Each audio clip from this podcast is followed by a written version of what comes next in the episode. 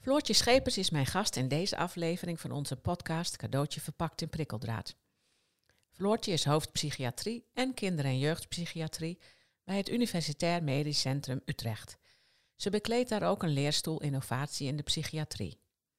Ze schreef het boek Mensen zijn ingewikkeld en loopt daarmee voorop met de boodschap dat het anders kan. We denken veel kennis te hebben hoe mensen in elkaar zitten, maar klopt dat wel? Ze vertelt in haar boek en in de podcast hoe klassificeren en normdenken mensen die ontregeld zijn enorm tekort doen. Hoe moet het dan wel? Daar gaat Floortje in deze podcast op in. Een andere en zeer inspirerende kijk op hoe we om zouden kunnen gaan met mensen die in haar woorden uit balans zijn. Co-host bij deze podcast is mijn collega Anja Jonkind.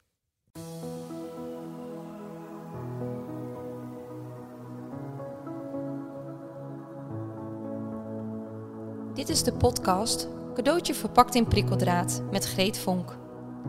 Moeilijke tijden zijn ook cadeautjes, hoe lastig ze ook zijn.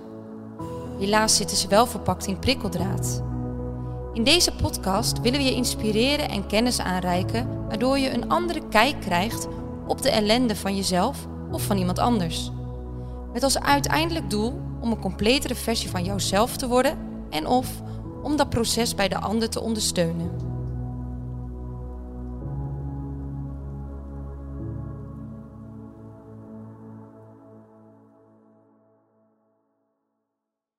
Floortje, welkom. Dankjewel. We gaan het vandaag hebben over, over jouw boek. Mhm. Maar uh, misschien is het wel fijn om uh, even iets meer te weten. Wie is Floortje en wat doet ze? Ja, ik ben uh, um, moeder van drie kinderen, getrouwd. ik woon bij Nijmegen en ik ben psychiater, kinder- en jeugdpsychiater ook. En ik werk in het UMC Utrecht. Ik heb daar een leerstoel innovatie in de psychiatrie.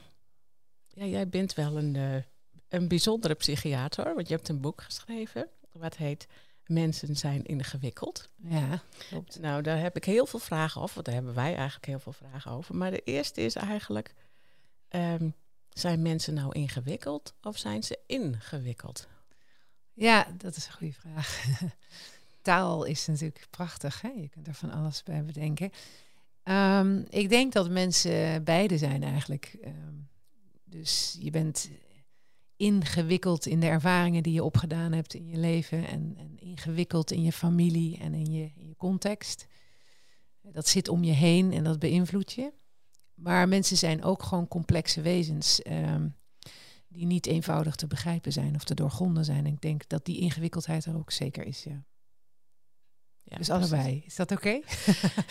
ja, nee, dat is oké. Okay. Nou ja, wij gebruiken het in ons werk hè, eigenlijk ook heel vaak. En, ja. in, en on, dat mensen zich ontwikkelen. Ja. Uh, nou, dat sluit natuurlijk heel erg aan bij, uh, bij ja. jouw gedachtegoed. Dat is ook waarom we hier zitten, omdat het gedachtegoed waar wij mee bezig zijn, posttraumatische groei, uh, heel erg aansluit bij, bij jouw ja. boek. En nou, daar willen we het dus graag over hebben vandaag.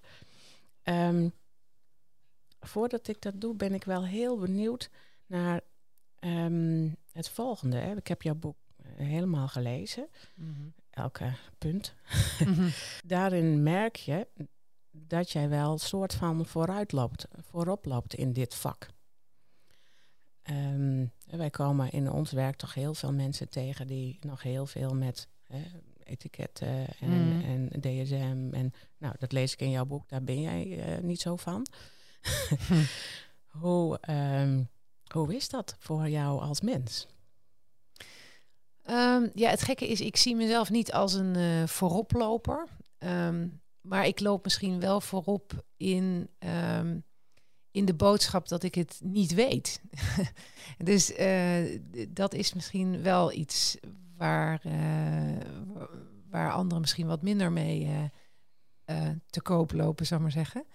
Um, het is natuurlijk heel lang zo geweest dat mensen die heel goed dachten te weten hoe het zat, of heel veel kennis hadden of expertise, daar boeken over gingen schrijven. En, en ik wilde eigenlijk juist een soort contraboek schrijven waarin ik duidelijk maakte, um, waarin ik dan duidelijk maak van ja, die, die lineaire kennis of expertise um, is, maar, is heel beperkt. Of, of ja, daar- dat heeft alleen maar waarde als je dat weer met anderen deelt en in die interactie dan weer verder komt of zo. Hè? Dus dat proces van samen iets begrijpen, dat wilde ik eigenlijk in mijn boek ook met die reflectiesessies onder andere die ik daar ook in opgenomen heb, wilde ik dat weergeven. Dus niet een boek schrijven om te zeggen, nou ik weet wel hoe het zit of volg mij en eh, nou ja, dan, dan komen we eruit hè, uit deze ingewikkeldheid van de psyche. Maar juist, ehm, nou ja, ik weet het ook niet zo goed en, en we moeten hierover samen het gesprek voeren. En dat is denk ik wel misschien vernieuwend, om dat op die manier ja, eh, in, in de samenleving te slingeren. ik weet het niet.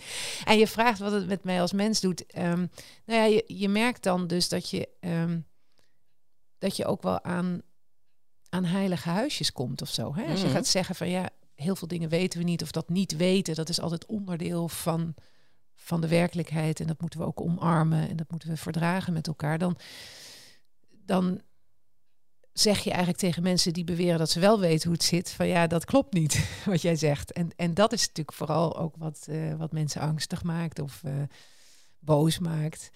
Ehm, Onzeker. onzeker maakt. En, en dat, dat merk je wel, ja. En dat raakt mij wel, moet ik zeggen. Ik, ben, Ja. ik merk dat ik niet heel veel teflon heb, eh, waardoor dat soort dingen van me afglijden. Dus ehm, dat was ook wel een zorg die ik had voordat dat boek uitkwam. Van, goh, hoe gaat dit vallen en wat krijg ik dan allemaal eh, op me af? Gevuurd.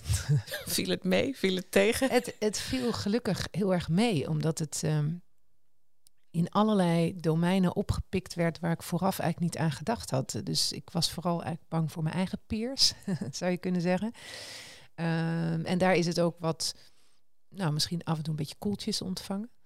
Maar ehm, in andere domeinen werd het eigenlijk heel positief opgepakt en daar was ik heel erg blij mee. En, en het heeft ook wel tot discussie en gesprek eh, geleid. En dat was eigenlijk ook de intentie die ik had. Dus eh, ik ben toch blij dat ik het geschreven heb. Ja. Ja. Nou, je boek doet het inderdaad gewoon heel goed, hè? Volgens Ja, mij is het het vierde, vierde, vijfde druk waar zijn? Zesde druk. Zesde intussen al. Ja, intussen alweer Wauw. de zesde druk. Ja, dat, dat dat- is heel fijn. Ja. Ja, dat, ja, dat is heel mooi. Met de- ook de boodschap die je te melden hebt. Ik, zie, ik volg ook dingen op LinkedIn en dan zijn, Mhm. is er heel veel positieve geluiden ook over jouw boek. Ja. ja, dat vind ik ook heel fijn om dat eh, te merken. Ja. Ja. Valt me dus mee. Wel, welke gebieden ehm, zijn er met jouw boek bezig wat jou verraste eigenlijk? Nou, het sociaal domein verraste me wat minder, want, want ik weet dat ze in het sociaal domein al wel een beetje op deze manier denken en, en ook werken. Maar bijvoorbeeld het onderwijs, dat was zo'n sector waar ik helemaal niet aan gedacht had, dat het daar nou ehm, ja, heel veel zou bijdragen of van waarde zou zijn. Maar ik, ik merk dat eh, ook in het onderwijs heel veel docenten, maar ook orthopedagogen of mensen die eh, nou ja, ondersteunen in het onderwijs, tegen het huidige systeem aanlopen van klassificeren en kinderen nou ja, in hokjes indelen en dan vervolgens uit die klas halen om te fixen en daarna weer terug te plaatsen. Dat dat ook toch heel veel docenten tegen de borst eh, stuit, steeds meer eigenlijk. En dat, dat het hen helpt om op een andere manier naar kinderen ook weer te kunnen kijken en daarover het gesprek te voeren met, met ouders. eh, ja, minder snel misschien de neiging om te zeggen, u moet maar eens naar een psycholoog of een psychiater met uw kind. Maar dat ze toch ook gaan nadenken, wat kan mijn rol zijn in eh, het herstellen van de balans? Hè? En kan ik iets in de klas veranderen of kan ik zelf iets veranderen in de bejegening naar dit kind toe, waardoor het beter gaat? Dus dat vind ik heel, eh, dat verraste mij eigenlijk wel, ja. Ja, ik denk dat hiermee de aandacht voor het individu heel erg naar voren komt. Ja, En ik denk dat dat heel essentieel is. Ja, Ja. ja dat, dat is denk ik de samenleving hè, heel erg geworden. Dat we kijken naar individuen als losse objecten. Terwijl dat, dat natuurlijk eigenlijk niet kan. Hè. Individuen staan altijd in relatie tot hun omgeving. Vooral mensen, maar ook eh, nou ja, alles in hun context. En dat maakt wie je bent. Dus je Ja. kunt dat niet isoleren van die context. Ja. Nee, daar ben ik het met je eens. Nou, dat schrijf je ook heel mooi in je boek, hè? Van ehm, eh, ontregeling is, eh, is eigenlijk een hele normale en logische reactie en, Mhm. op een bepaalde situatie. En, en dat kan soms zelfs een functie hebben. Ja, denk ik wel, ja. Kijk, als je kijkt naar, naar menselijk gedrag, hè, of, of de psyche, whatever it is, maar in ieder geval on, ons, wie wij zijn, onze identiteit, onze persoonlijkheid, dan ontstaat die in interactie en kan die ook ontregelen in interactie. En dat is omdat complexe systemen zich altijd aanpassen. Hè, dus het adaptief vermogen uh, bestaat bij de gratie dat je je aanpast, dat je je strategie wijzigt. Um, en dus kan ontregeld gedrag een functie hebben in een bepaalde context. Om, om, je, nou ja, om in ieder geval een bepaalde balans te houden. Dat is dan misschien niet een functionele balans, maar in ieder geval probeer je je te verhouden tot wat er op je afkomt. En, um, en dus ja, is dysfunctioneel gedrag niet altijd, uh, nou ja, zeg maar, uh, defect hè, gedrag. Het kan ook corrigerend zijn. Het kan corrigerend zijn. Het kan nodig zijn om in een bepaalde situatie te overleven of je staande te houden. En of je balans terug te vinden. Of je balans terug te vinden, inderdaad. Ja. Ja. Ja, mooi. Nou, wij hebben het in, in ons werk regelmatig over dat de mensen die bij ons komen, hè, die, die hebben heel vaak al een, van alles meegemaakt, in, ja. ook in de zorg. Ja. En uh, dan hebben ze heel vaak ook een etiket gekregen, of een label ja. of een DSM. Uh, uh, klassificatie. klassificatie Ja. Waarmee um, eigenlijk soort van tegen ze gezegd wordt, zo, zo ja, je bent gestoord, hè?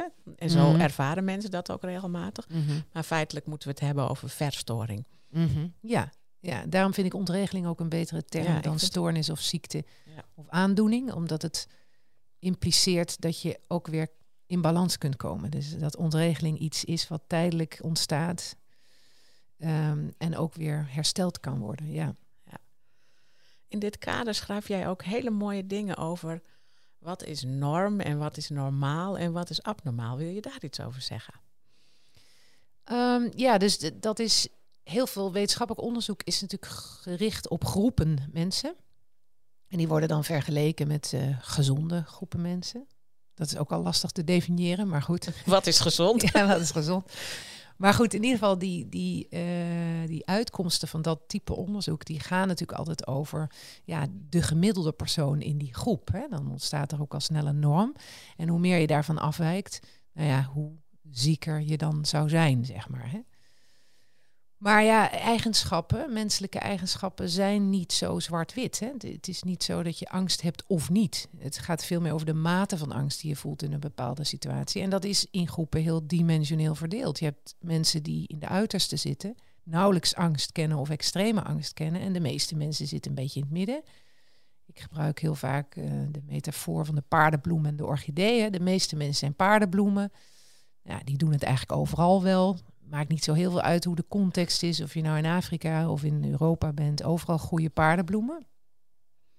Maar in de uiterste zitten eigenlijk de orchideeën. Hè. Die zijn heel gevoelig voor context. En die doen het eigenlijk bijna nergens. Maar als de context passend is, dan bloeien die tot de mooiste bloemen van het veld. En wij zijn in onze samenleving, omdat we zo op die norm gefixeerd zijn geraakt, onze hele samenleving voor paardenbloemen gaan inrichten. En wij zijn orchideeën gaan zien als zieke paardenbloemen. En dat is natuurlijk eigenlijk raar. Dus we proberen eigenlijk iedereen naar die norm te drukken.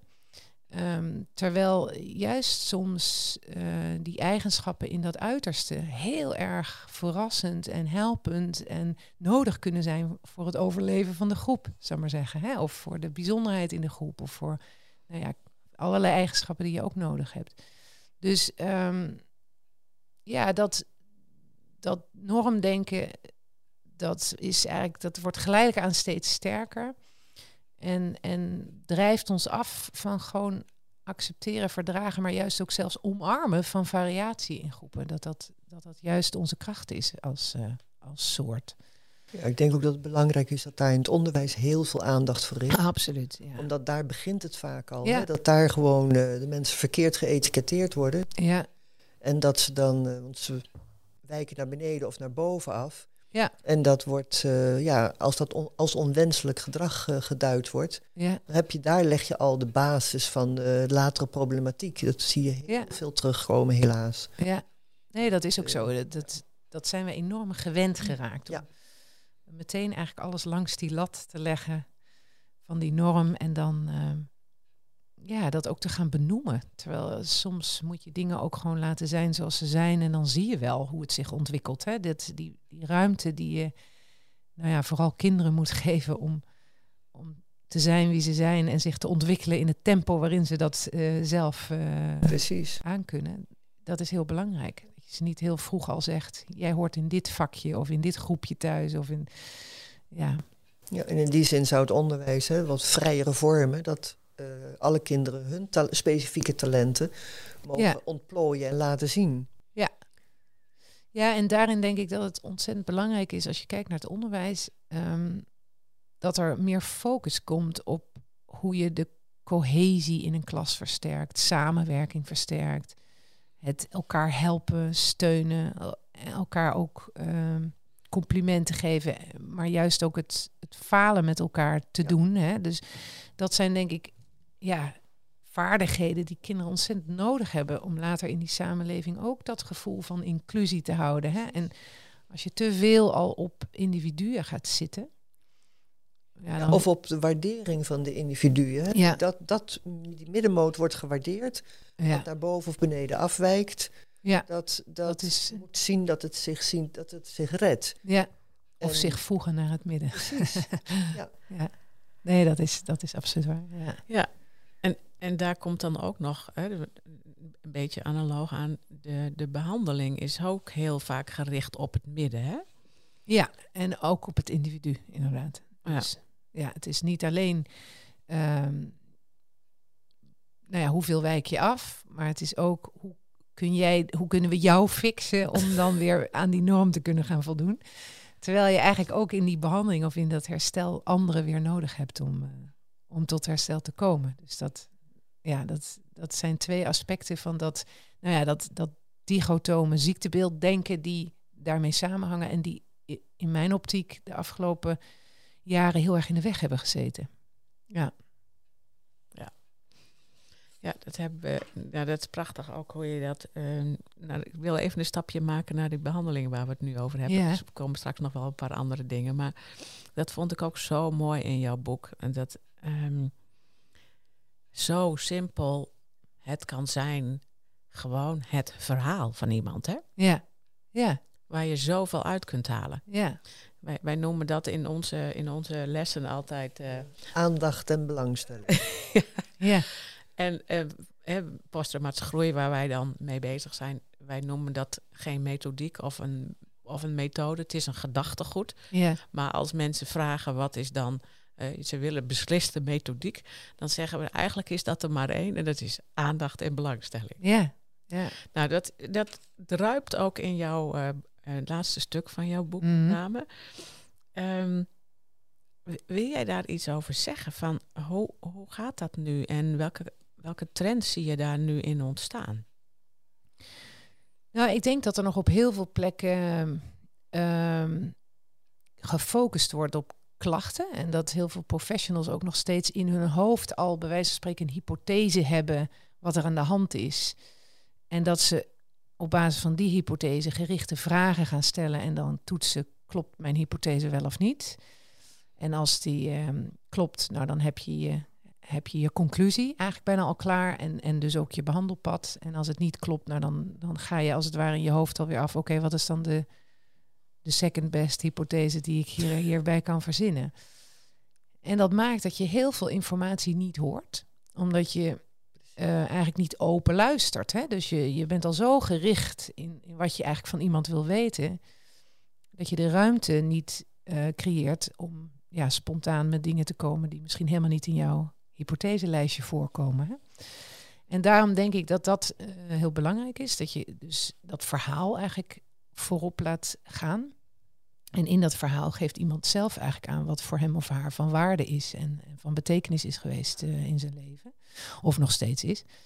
En, en dat is dan eigenlijk je anker om eh, te kijken, hoe begrijp ik dit verhaal samen met jou en hoe kunnen we dan samen ook bedenken wat jij nodig hebt om in dat verhaal ehm, een andere wending aan te brengen die jou helpt om te herstellen, in balans te komen, wat dan ook.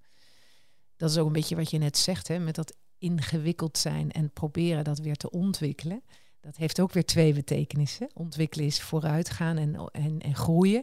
Maar ontwikkelen is ook dat, dat ontrafelen. Hè? Dat, Precies, Dat zo- uitpluizen. ja, en zo bedoelen jullie hem. Ja, En ik, ik denk dat dat heel krachtig is, omdat het uiteindelijk gaat om hoe begrijp je nou samen die kluwen en kun je in die kluwen nou ja, een beetje weer ruimte creëren en een, een draadje vinden waar je dan aan vast kunt houden om daar weer een weg uit te vinden. En, en dat is volgens mij een proces. Ik noem dat altijd ploeteren, prachtig ploeteren.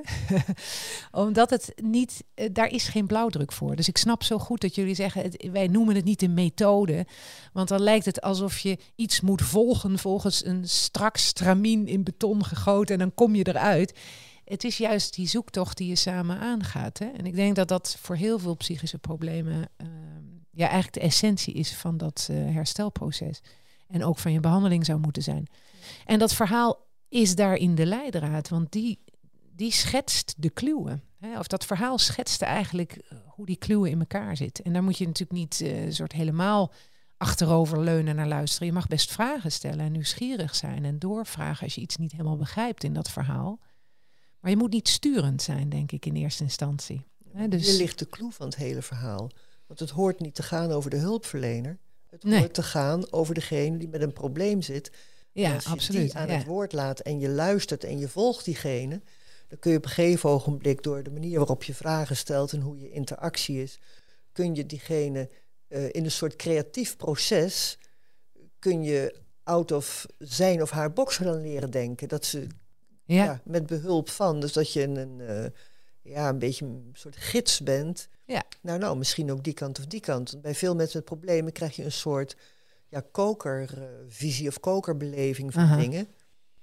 En op het moment dat je daar zelf um, bereid bent om daar in te stappen, te snappen en dan te kijken van nou, er zijn ook zijwegen of uitwegen. Ja. Heb je op die manier, manier wel eens geprobeerd de creativiteit weer aanspreken, maar niet alleen negatief creatief, want dat zijn ze al, maar ook positief creatief. Ja. En dan, dan zie je ook letterlijk meer beweging. Ja. Dan gaat er weer wat ja, wat in beweging komen, letterlijk en figuurlijk. Ja, het is een beetje wat ik uh, ook in mijn boek beschrijf, dat meervoudige perspectief weer toelaat. Hè? Als je heel erg vast zit in je eigen denkpatronen, dan is het dus ontzettend helpend als er een professional is of een hulpverlener is die je ook een ander perspectief aanreikt. En, en um, je een beetje helpt om die perspectiefwisseling uh, af en toe aan te nemen, zodat je ziet, ah ja, er is, is niet één waarheid. Hè? En het, en het punt is denk ik dat we in dat medisch model zijn gaan denken dat er wel een waarheid is, namelijk de waarheid van de professional. En dat die dus zijn waarheid oplegt aan de ander. En als die maar volgt, dan komt het goed. En ik denk dat, dat je juist ook die ervaringskennis moet betrekken in dat proces als gelijkwaardige waarheid. Want, want het helpt je om niet vast te lopen samen, om niet tegenover elkaar te komen staan, maar juist uh, nou ja, samen te zoeken naar de best passende oplossing in deze situatie, bij deze persoon. Ja. Het is dan een gelijkwaardig proces. Ja, absoluut. Ja, ja, En, en, dat, en wij merken dat, en dat zul jij dan ook merken, dan voelen mensen zich ook gehoord. Ja, maar het rare is, ik merk ook wel, dat is dat eigenlijk een werkelijkheid die we met elkaar gecreëerd hebben, dat die gelijkwaardigheid er eh, nog niet altijd is. Hè? Dat professionals nog wel erg vaak denken dat ze wel weten hoe het zit en wat er gebeuren moet. Maar ook dat patiënten die komen met die verwachting komen. Dat de professional het weet en hen gaat vertellen hoe het zit. Dus uh, dat is zo ingebakken geraakt dat ik. Dus je zegt, mensen voelen zich gehoord en herkend, maar soms. Soms is het ook heel anders. En soms is het ook heel anders. Ja, ja. Nee, dat, is, dat is opvallend. En uh, dit, ik, ik ben ervan overtuigd dat als je ze echt de ruimte geeft om hun verhaal te vertellen, dat dat absoluut werkt. Maar er zijn toch ook wel mensen die nog steeds met die verwachting komen. Nou, u gaat mij vertellen wat er met mij aan de hand is. En, en dan fix mij maar. En dan heeft u de oplossing. ja, er zit ook vaak onder dat ze zich in hun proces heel erg eenzaam voelen. Omdat ze niet gehoord en gezien en gesnapt worden. Ja, en op het moment dat je dan alle aandacht hebt en je hoort ze en je, je stelt vragen en je toont een bepaalde belangstelling slash nieuwsgierigheid dan lost die eenzaamheid, dat gevoel van eenzaamheid zich al een beetje op. Ik word mm. gehoord en gezien, ik ben niet meer alleen. En dan uh, ontstaat geleidelijk aan een steeds gelijkwaardiger proces. Ja. Omdat ja, ieder gesprek leer je zelf als professional ook van. in dit kader, als we het hebben over uh, gespreksvoering en zo, jij schrijft ook een stukje over professionele distantie. Ja. Want als je gelijkwaardig hè, en ehm, wil, je daar, wil je daar iets meer over zeggen? Hoe is jouw kijk daarop? Nou ja, de, de, het is heel lang zo geweest dat die professionele distantie ehm, best een, een, een, thema was in, je op, in de opleiding. En tot therapeut, tot psychiater, psycholoog. Omdat er natuurlijk ook tijden geweest zijn dat, ehm, dat de grenzen tussen, nou ja, de persoon die om hulp komt vragen en de professional die die, die hulp gaat bieden, eh, heel vaag waren. En, en het ook niet heel erg, eh, ja, ehm, duidelijk was wanneer je dan over die grens heen ging of niet. Hè? Wanneer je ook eh, je onvoldoende realiseerde dat er toch altijd een ongelijkwaardige relatie is in het feit dat de ander hulp geeft en de een hulp vraagt. Hè? Dat, dat, dat creëert gewoon een afhankelijkheidsrelatie. En daar moet je heel erg bewust van zijn. Dus ehm, ja, als je daar over de grens van de ander heen gaat, dan doe je echt iets schadelijks, denk ik, als professional. En vanuit die gedachte is die professionele distantie ontstaan, maar een beetje doorgeschoten.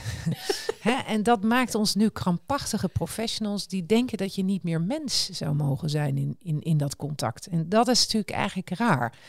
Want uh, als je te veel in je professional rol blijft zitten en die distantie als het ware als, als meest dominant in de kamer laat, uh, laat zijn, dan maak je ook geen contact. En dan kom je ook niet tot de situatie of de veilige uh, sfeer of, of context om open over je problemen te kunnen praten. Ja, die echte interactie waar die echte interactie die ja. zo nodig is en ja. die helpt in het herstel. Dus um, kijk, en dat is, dat is altijd het gevaar als je daar een te fel debat of discussie over gaat voeren, dat het polariseert. Hè. Al, ik, ik ben er helemaal niet voor om als professional je hele hebben aan houden op tafel en als een soort vrienden in mekaars armen te vallen. Absoluut niet.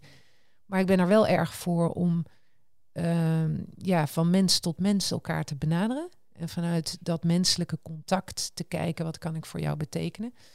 Um, en die kwaliteit van die relatie mag bij mij, voor mij in de buurt van een vriendschap komen. Hè? Dus, dus als het meer gaat over hoe het voelt. Een professionele vriendschap noemen we dat ja, wel eens ja, in het coachvak. Ja, nou ja, dat, dat, uh, dat, daar zou ik erg voor zijn. Ik denk ja. dat die professionele distantie ons uh, in de weg zit. En, en ja, een onterechte angst aanwakkert dat we niet alles zouden mogen of kunnen zeggen wat we willen. Ik denk dat we, als je, hè, als je als mens van mens tot mens voel je aan wat je daarin wel en niet kan doen. En als je dat niet aanvoelt, dan moet je daarin getraind worden.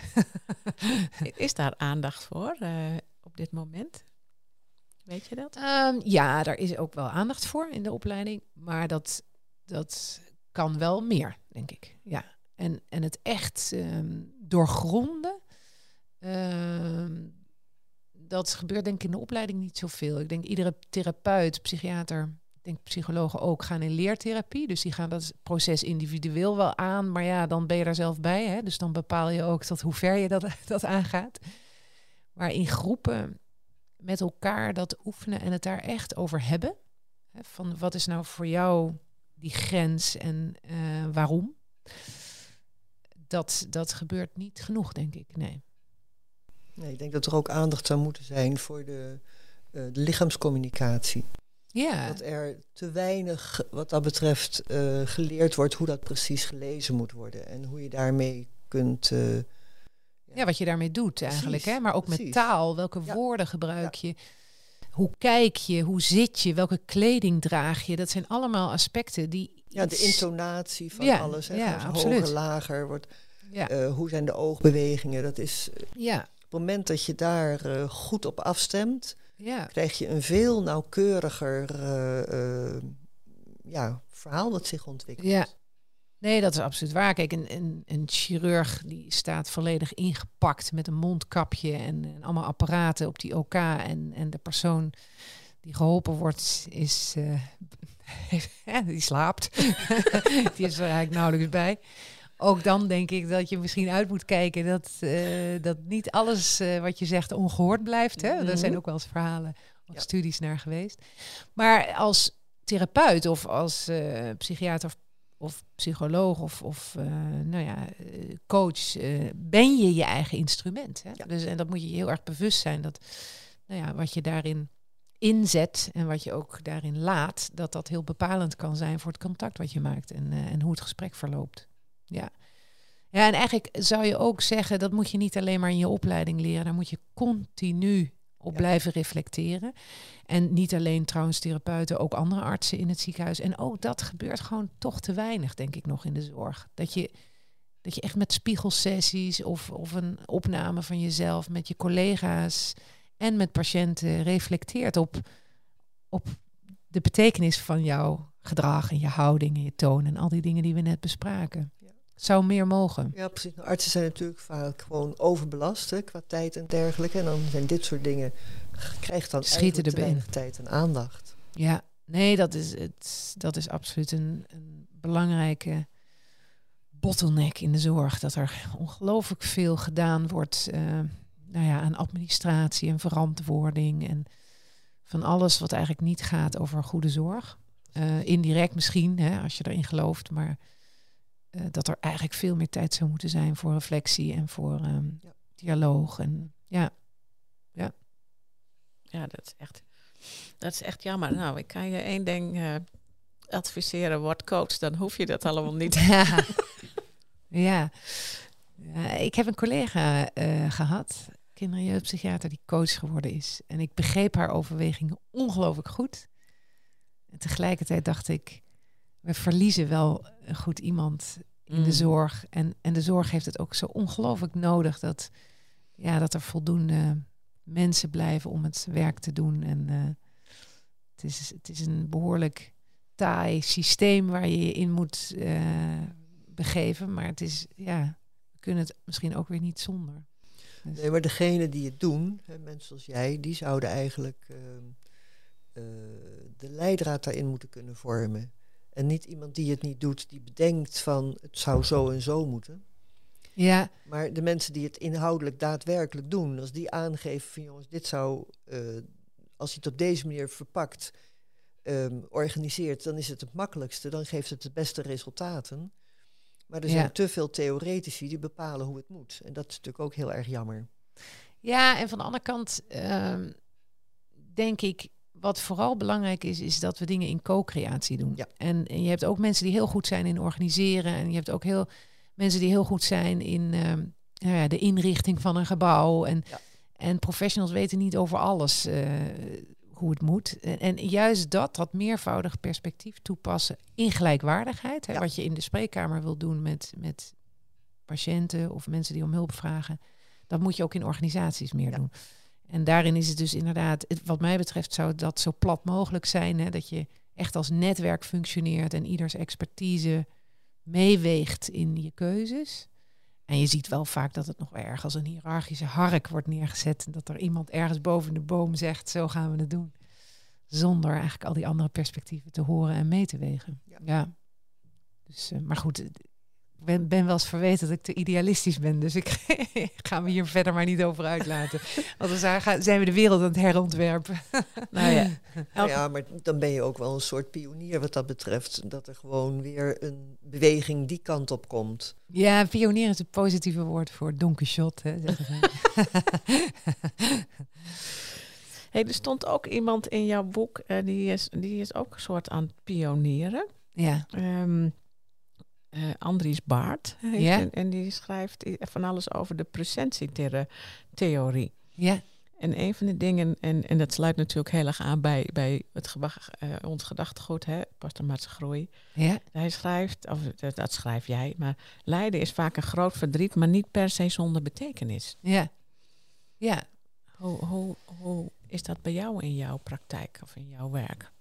Nou ja, ik denk dus dat als we dat lijden, ehm, zeg maar, medicaliseren, ehm, dat we het als het ware zien als iets wat er niet mag zijn. Dus je bent somber of je bent eh, angstig of depressief. En dat moeten we oplossen, want dat is, nou ja, in alle opzichten negatief, naar, hinderlijk eh, en dat moet weg. Terwijl eh, dat lijden natuurlijk heel vaak samenhangt met dingen die je meegemaakt hebt, dingen die gebeurd zijn. En die van grote betekenis zijn. En, en het risico om die depressie als een ziekte te zien die je moet genezen, is dat je voorbij gaat aan dat onderliggende lijden, aan de betekenis die dat lijden heeft, of, of de gebeurtenis heeft waardoor dat lijden ontstaan is. Hè? Dus ik, ehm, ik hou heel erg van de presentie benadering die Andries Baart uh, voorstaat. Hij heeft ook de Stichting Presentie opgericht. Hij werkt ook bij ons af en toe op het, uh, in het UMC Utrecht op de afdeling psychiatrie. Um, en dat gaat over er zijn voor iemand en um, niet meteen met oplossingen komen, maar present zijn. Hè? En, en als het ware dat lijden mee verdragen en niet, um, niet weg proberen te maken, maar ook. Respect voor het verdriet. Ja, en voor de pijn. Ja, precies. Het heeft een functie.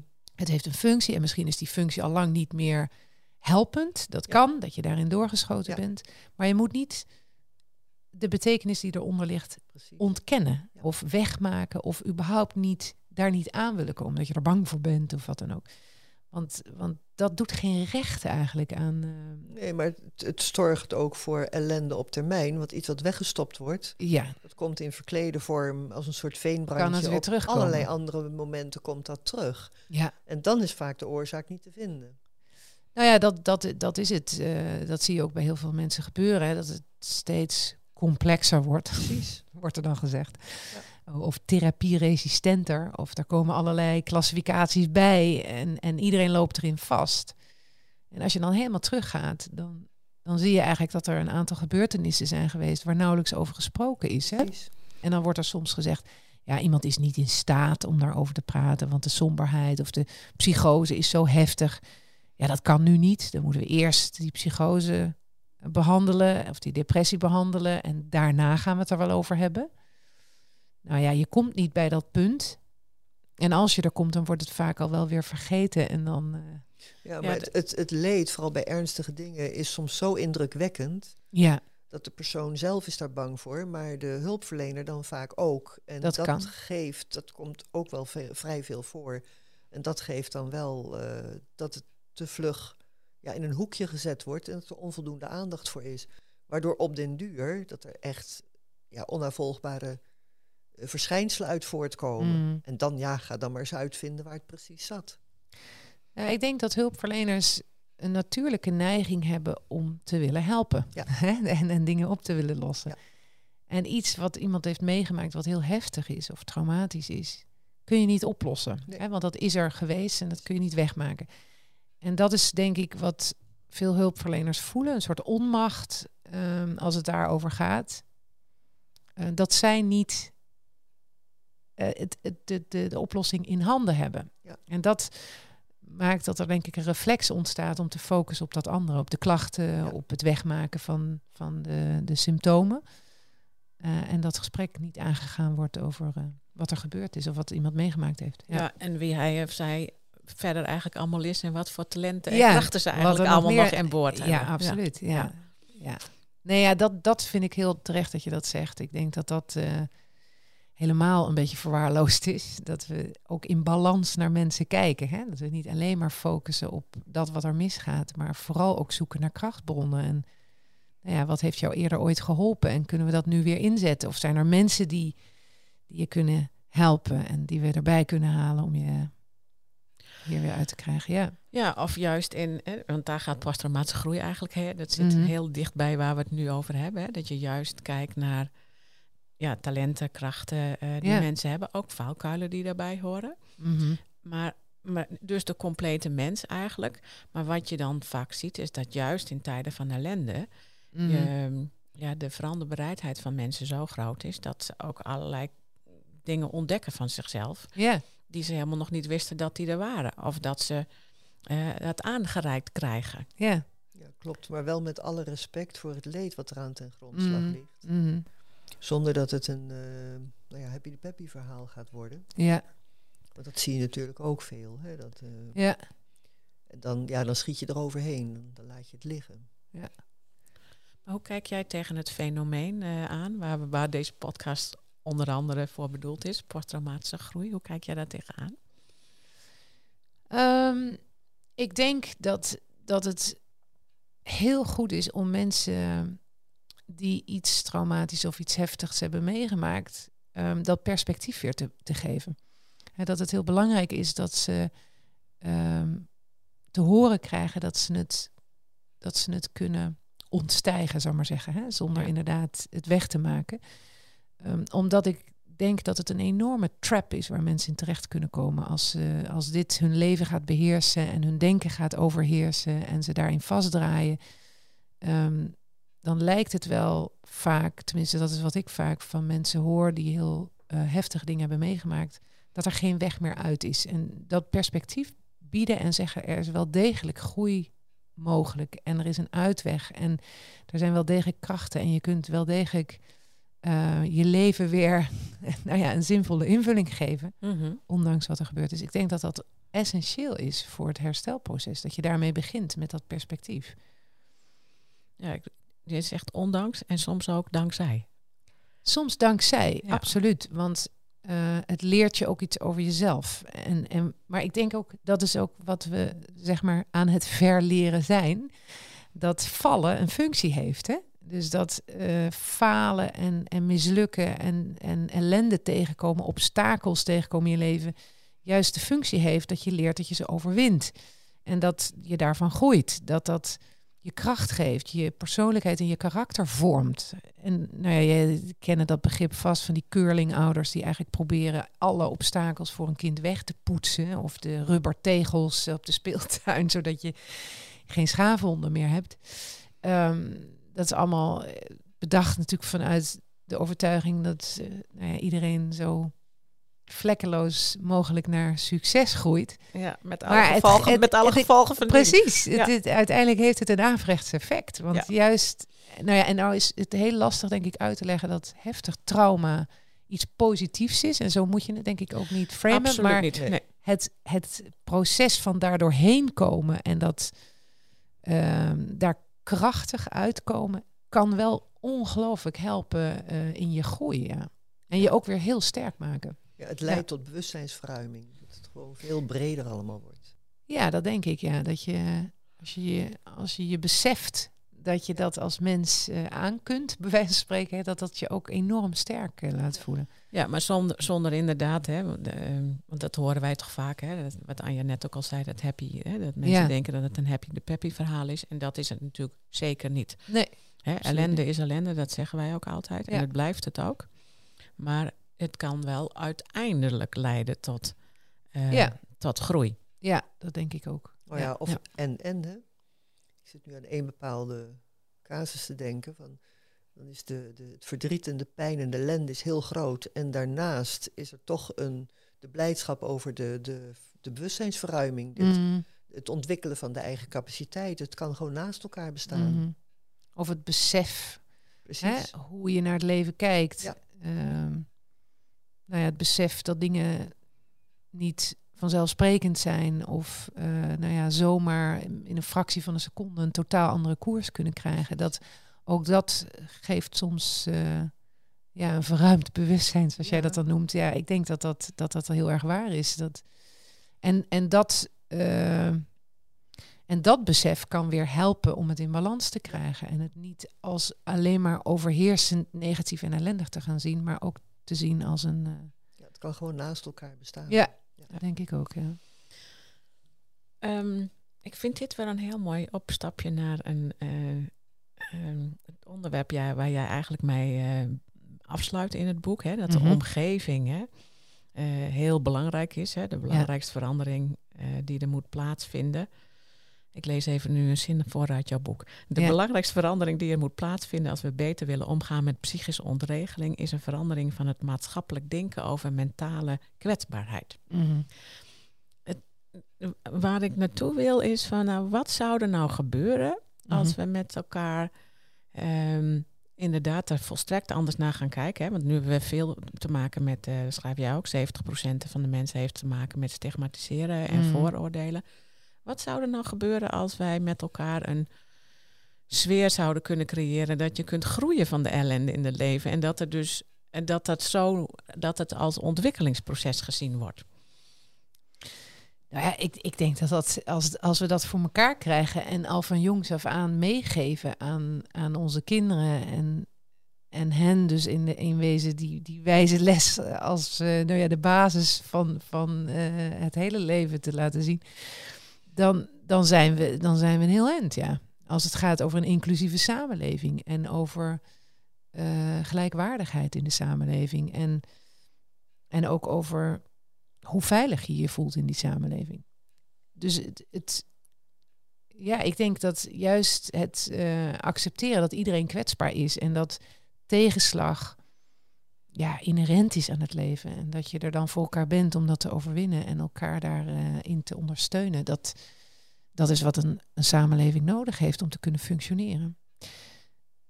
En, en als je dat dus niet doet, dan moet je dat functioneren, haal je uit andere dingen, uit systemen, uit uh, processen, procedures, protocollen en richtlijnen. En dat, dat, ja, dat werkt wel, maar uiteindelijk niet, uh, niet goed genoeg. nee, ik denk dus dat dat, dat zou heel mooi zijn. Dat is, uh, is dat utopisch of denk je dat het kan? Ik weet het niet. Ik, ja, dat is een goede vraag. Nou, voor ons is het uh, ons doel eigenlijk. Wij hebben, ja. zo, wij hebben eigenlijk uh, onze missie, die van Anja en mij, is dat wij PTG een bekender begrip willen laten worden dan PTSS. -huh. ja. En dat is een ongelooflijk ambitieus doel. Ja. Dat, dat weten we. Maar nou ja, ook jouw reactie op deze vraag. Um, ja, daar word ik wel heel enthousiast van. Mm. Want dan dat onderstreept enorm het belang eigenlijk van, van dat doel. Ja.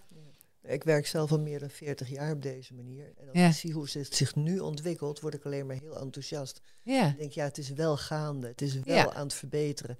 Echt aan het verbeteren. Ja. Want wat er nu de laatste ja, tien jaar zich ontwikkelt, ook het feit, hè, dat gesprek wat wij nu met jou hebben Ja. hier. Nou, dat was tien jaar geleden eigenlijk nog vrijwel ondenkbaar. Ja.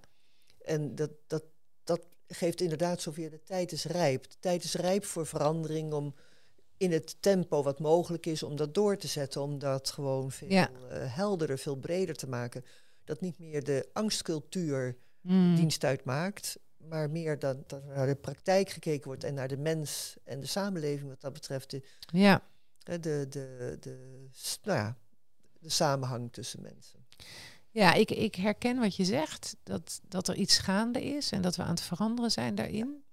In de positieve zin van het woord. Tegelijkertijd zie je ook op social media waar zijn jongeren mee bezig? Wat wordt in de etalage gezet? Ja. De polarisatie in de samenleving.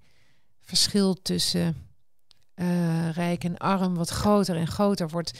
Dus er is ook nog heel veel gaande waar ik dat gevoel, dat Ja. positief gevoel niet bij krijg. En het zal misschien met elkaar samenhangen. Hè? Dus dat het eerst heel erg uit elkaar moet voordat het weer bij elkaar komt. Ja, je krijgt Maar, altijd... eh, Dat is een, een, een, een posttraumatische groei in, op macroniveau. Op macroniveau misschien, ja. ja. Ja. dat zou kunnen. Het is, het is natuurlijk vergelijkbaar een beetje met het milieu, zou je kunnen zeggen. Hè? De milieucrisis. Aanvankelijk eh, waren er natuurlijk al heel veel signalen en mensen die zeiden dit gaat niet goed, dit gaat niet goed. En dat gaf in eerste instantie ook een tegenbeweging van mensen die het gingen ontkennen en, en riepen dat het zichzelf wel zou herstellen. Maar we zijn nu wel op een punt gekomen dat iedereen ziet, nou ja, nog een kleine groep niet misschien, maar toch wel iedereen erkent, we moeten iets met dat milieu. Want als, als dit langer zo doorgaat, links en rechts, iedereen is daar wel inmiddels van overtuigd. En dat zal ook een beetje met die mentale crisis eh, zo gaan, denk ik, waar we in terecht zijn gekomen. Hè? Met eh, nou, de maakbaarheid en het individualistische denken en het alles willen reguleren en bepalen van hogerhand. En nou ja, social media speelt daar een belangrijke rol in. Ehm, dat is ook een soort mentale ontwikkeling, crisis die gaande is. En er is een tegenbeweging die zegt: Ho jongens, stop, dit gaat niet goed. Nou ja, en dan op een gegeven moment hoop je genoeg massa te vinden om het ook echt anders te gaan doen met elkaar. Ja, Laten we hopen dat dat zo is. ja laten we hopen dat dat zo is. Ja, jullie dragen er in ieder geval aan bij. Dus dat, eh, ja, nou, ja. Dat, dat, dat doen wij. eh, ja, dat, dat is zeker wat wij willen doen. Of Ja. wat, nou, niet alleen willen, wat we ook doen. Ja. En onder andere door een mooie podcast eh, te maken en ja. boeken te schrijven. En we hebben recent ook een, eh, nou recent, afgelopen woensdag, een e-learning gemaakt. Simpelweg om, om het gedachtegoed Ja. toegankelijker te maken. En, en ja. mensen. En, en dat is niet dan met het idee om mensen eh, van hun ellende of trauma af te helpen, maar wel op, om ze op het andere spoor te zetten. Ja. Want, want dat is natuurlijk nog heel veel gaande. Door, eh, wat jij ook zei, Mhm. van mensen kijken nog heel veel naar klachten. Ja. Nou, en wat je ja, hiervoor nodig hebt, is dat je juist kijkt naar wie ben jij eigenlijk nog meer. En Ja. wat voor krachten heb jij ook nog in huis. En simpelweg door mensen daarmee bewust te laten Ja, kennis maken. Dit- Die zin klopt niet helemaal. Maar on- door, wat je bedoelt. door, de- door, door, dat, hè, door, door ze op het andere spoor te zetten, kan al een hele grote stap Ja. zijn. Ja, Ja. zeker. Ja. Ik denk dat we er zo'n beetje doorheen zijn, Floortje. Heb jij nog iets waarvan jij denkt, nou, dat zou ik nog heel graag willen delen? Of zeggen. Ja, ik denk dat we mooie, mooie thema's besproken hebben. Dus ehm, laten we ons voornemen om vooral door te ploeteren en eh, te kijken of we meer massa kunnen creëren. om voorbij het tipping point te komen. Nou, dat gaat, dat, daar, daar vinden we elkaar in. Ik denk dat dat een mooie afsluiting is. Ja, oké. dankjewel. Jij ook heel erg bedankt. Heel erg bedankt. Oké. Dankjewel voor het luisteren naar deze cadeautje verpakt in prikkeldraad podcast. We willen nog graag een paar belangrijke dingen met je delen. Als je enthousiast bent over deze podcast, dan zijn we blij met een review. Daarmee help je ons bij onze missie.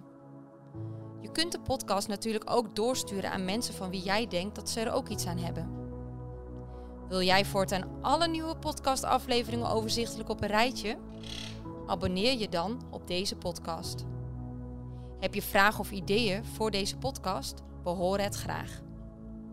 Je kunt een mail sturen naar info@sterkerdoorellende.nl of Greet Vonk een bericht sturen op LinkedIn. Zoveel mensen kunnen profiteren van een andere kijk op ellende. Het is daarom onze missie om PTG bekender te laten worden dan PTSS. Wil jij meer weten over PTG of bijdragen aan onze missie? Je kunt op onze website www.sterkerdoorellende.nl onze boeken bekijken en eventueel kopen, de e-learning bekijken, een gratis inspiratiesessie volgen, de PTG-vragenlijst invullen, workshops en opleidingen boeken. We hopen dat deze podcast jou heeft geïnspireerd, zodat je in tijden van ellende in jouw leven of werk kiest voor het positieve en hoopvolle gedachtegoed van PTG. Voor jouzelf, je familielid, je vriend, vriendin, collega, klant, voor wie dan ook. Tot de volgende keer.